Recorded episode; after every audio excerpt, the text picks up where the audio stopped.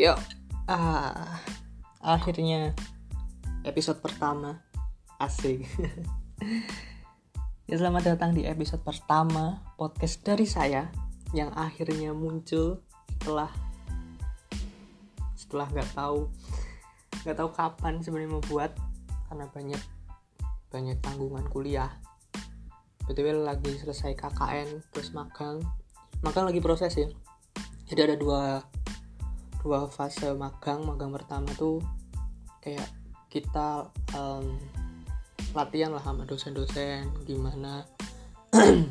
Lalu tanggal 10 nanti 10 Agustus bakalan kayak langsung ke dunia kerja tapi tetap online gitu. Mau doanya aja semoga lancar. Ah episode pertama ngomongin online ya kuliah online. Nggak nggak cuma kuliahnya online sih kalau kalau kalau udah semester tua kayak kayak gue ini magang online. KKN pun online loh kemarin. Bayangin KKN online. Kayak kayak sebelum pandemi tuh kayak mikir KKN online tuh kayak nggak masuk akal banget gitu kan. Gila sampai dulu tuh sebelum seminggu sebelum pandemi covid itu kan aku pernah ke kayak bagian direktorat kampusku yang ngurusin masalah KKN gitu. Ya nganterin pacarku ngurus berkas buat pengajuan bahwa semoga dapat keringanan tempat KKN karena dia kan ada riwayat sakit atau apa. Nah, kaget tuh waktu itu si ketua LP2 nya yang ngurusin KKN nih. Dia bilang beliau bilang kayak gimana nih kalau kalian nanti KKN-nya online gitu. Kaget dong. Kayak setengah percaya setengah enggak. Tapi ya mungkin juga terjadi. Waktu itu kan mikirnya gitu. Tapi akhirnya beneran loh KKN-nya online. Gila. KKN online segala macam online. Dulu sempet sempet kejebak. Aku kan kuliah di Malang nih kuliah di Malang aku tinggal di di Tulungagung. Kalau kalian nggak tahu Tulungagung itu dekatnya dekatnya Blitar. Dua jam setengah dari Malang lah kalau naik motor. Kalau lancar kalau lancar. Kalau nggak macet ya. Kalau macet bisa sampai tiga jam tiga setengah jam. Dulu tuh pernah kejebak tuh. Pernah kejebak selama satu bulan waktu pertama-tama ada anjuran everything from home work from home study from home pray from home ibadah dari rumah kan? Rumah ke, pernah kejebak tuh di situ kayak anjurannya kan jangan jangan pulang yang yang anak rantau yang kerja di luar di luar kota ataupun kuliah di luar kota mending gak usah balik ke kampung halaman dulu karena takutnya kan bawa virus yang kita nggak ketahui. Nah di situ tuh aku pernah di kosan selama satu bulan kurang lebih. Nggak ke mana-mana. Masak sendiri. Bayangin cowok loh masak sendiri. Untungnya kosanku tuh kosan yang anu apa namanya ada dapurnya.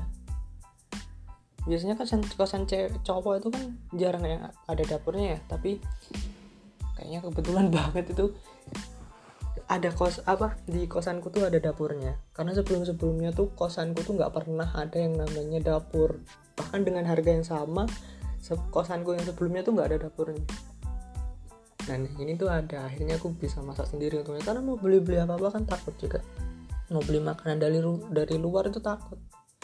Karena ya kalian tahu sendiri lah higienitas um, penjual-penjual di Indonesia ini kayak apa kalau mau hygiene ya pasti ke tempat makan yang uh, dengan harga yang mahal kan.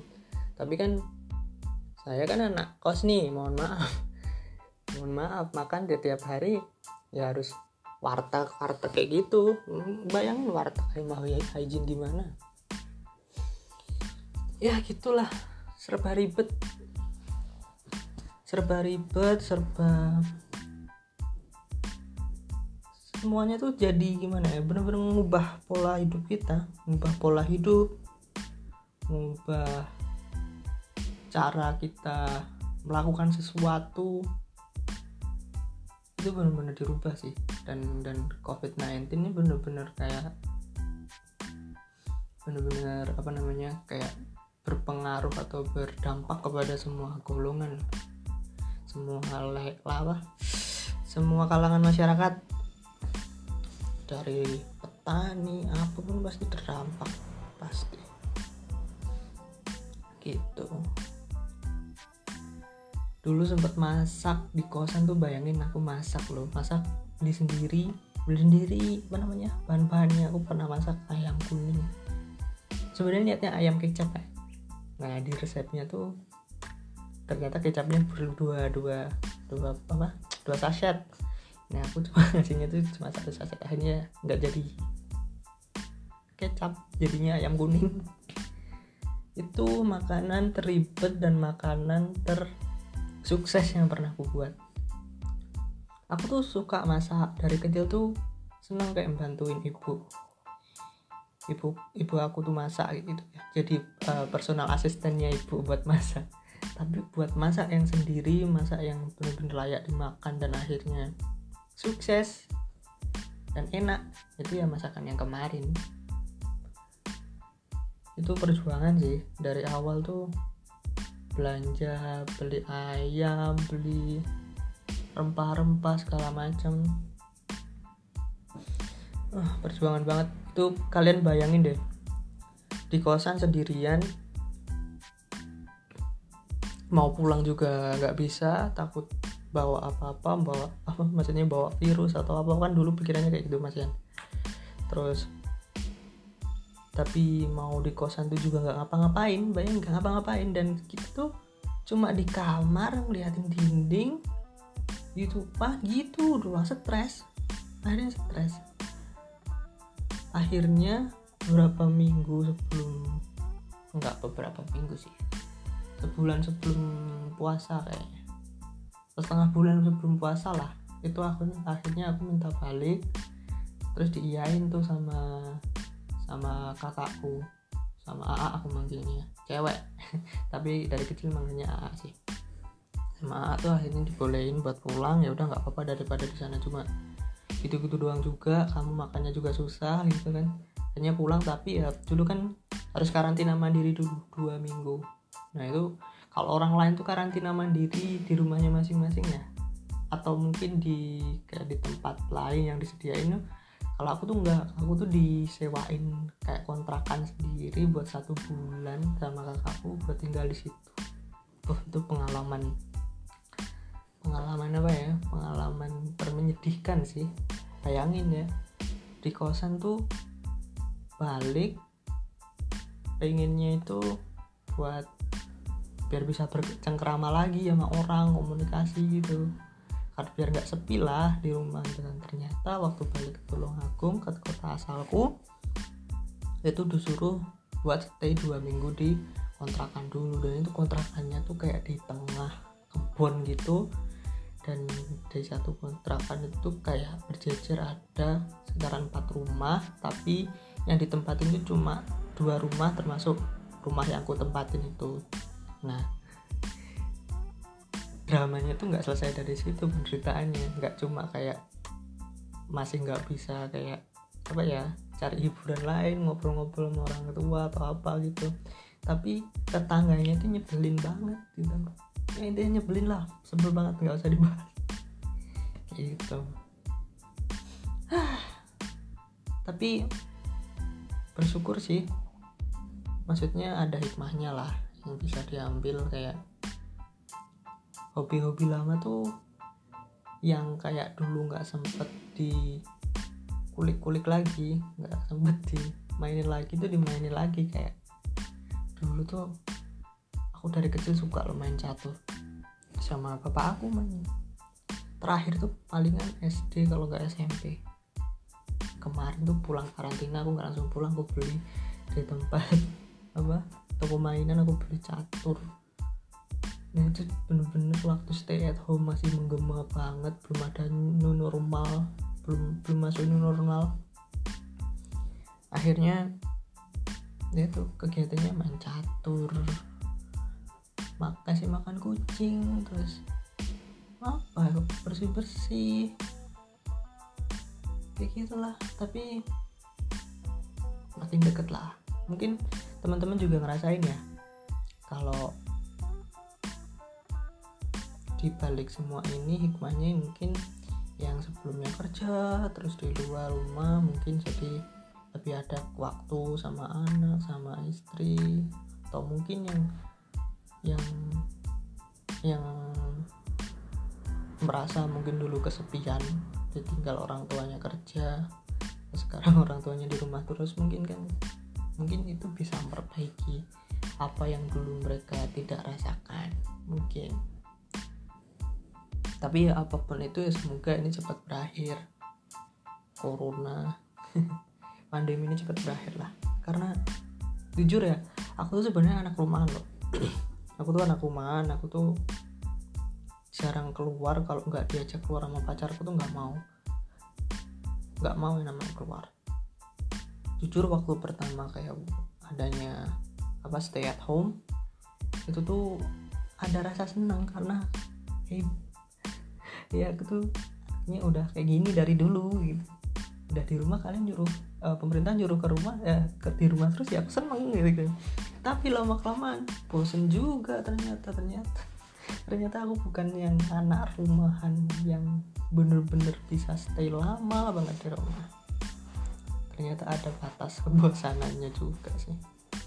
Kuliah juga. Awalnya kan kayak wah enak kuliah di rumah nggak harus mandi pagi-pagi nggak harus ngeprint banyak-banyak gitu kan. Tapi akhirnya keteteran juga banyak tugas terus segala sesuatu tuh segala sesuatu tuh jadi hal baru gitu. Even kayak kamu presentasi presentasinya kan tensinya beda. Biasanya kita mempersiap, mempersiapkan mental buat ketemu orang-orang di depan gitu. Presentasi. Tapi ini kita nggak cuma harus mempersiapkan diri kita dan kehadiran kita tapi juga um, mempersiapkan ini sinyal bagus enggak ini aplikasinya apa? Terus uh, gurunya eh dosennya kayak gimana? Gitu sih. Pandemi pandemi merubah segalanya. Ini rencana kan bakal satu semester ya. Semester satu semester ke depan lah. Vaksin juga katanya baru Januari awal. Eh Januari awal. 2021 awal. Bisa mungkin bisa ada ya kita doa aja lah semoga yang terbaik. Bosan gak sih rumah terus?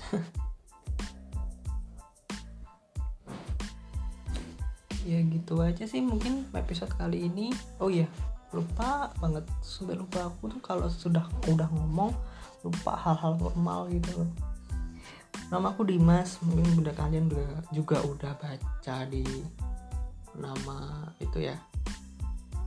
Nama aku Dimas Nugraha aku kuliah di Malang sekarang mahasiswa ya. Mahasiswa kuliah di Malang di Universitas Negeri Malang. Dan aku bikin podcast ini tujuannya ya pengen bacot aja. Semoga kalian uh, gimana ya relate mungkin terus senang aja denger bacotanku. Yang semoga ada manfaatnya juga biar lega sih intinya hatiku juga karena banyak hal yang pengen aku ngomongin. Ya itu episode 1 tunggu episode berikutnya. I'm trying my best to make podcast sesering mungkin tapi nggak janji. Semoga aja bisa. Semoga doain kalian doain moodku bagus. Kalau moodku bagus pasti mau kok bikin podcast. Oke? okay? Sekian dulu. Terima kasih. Bye bye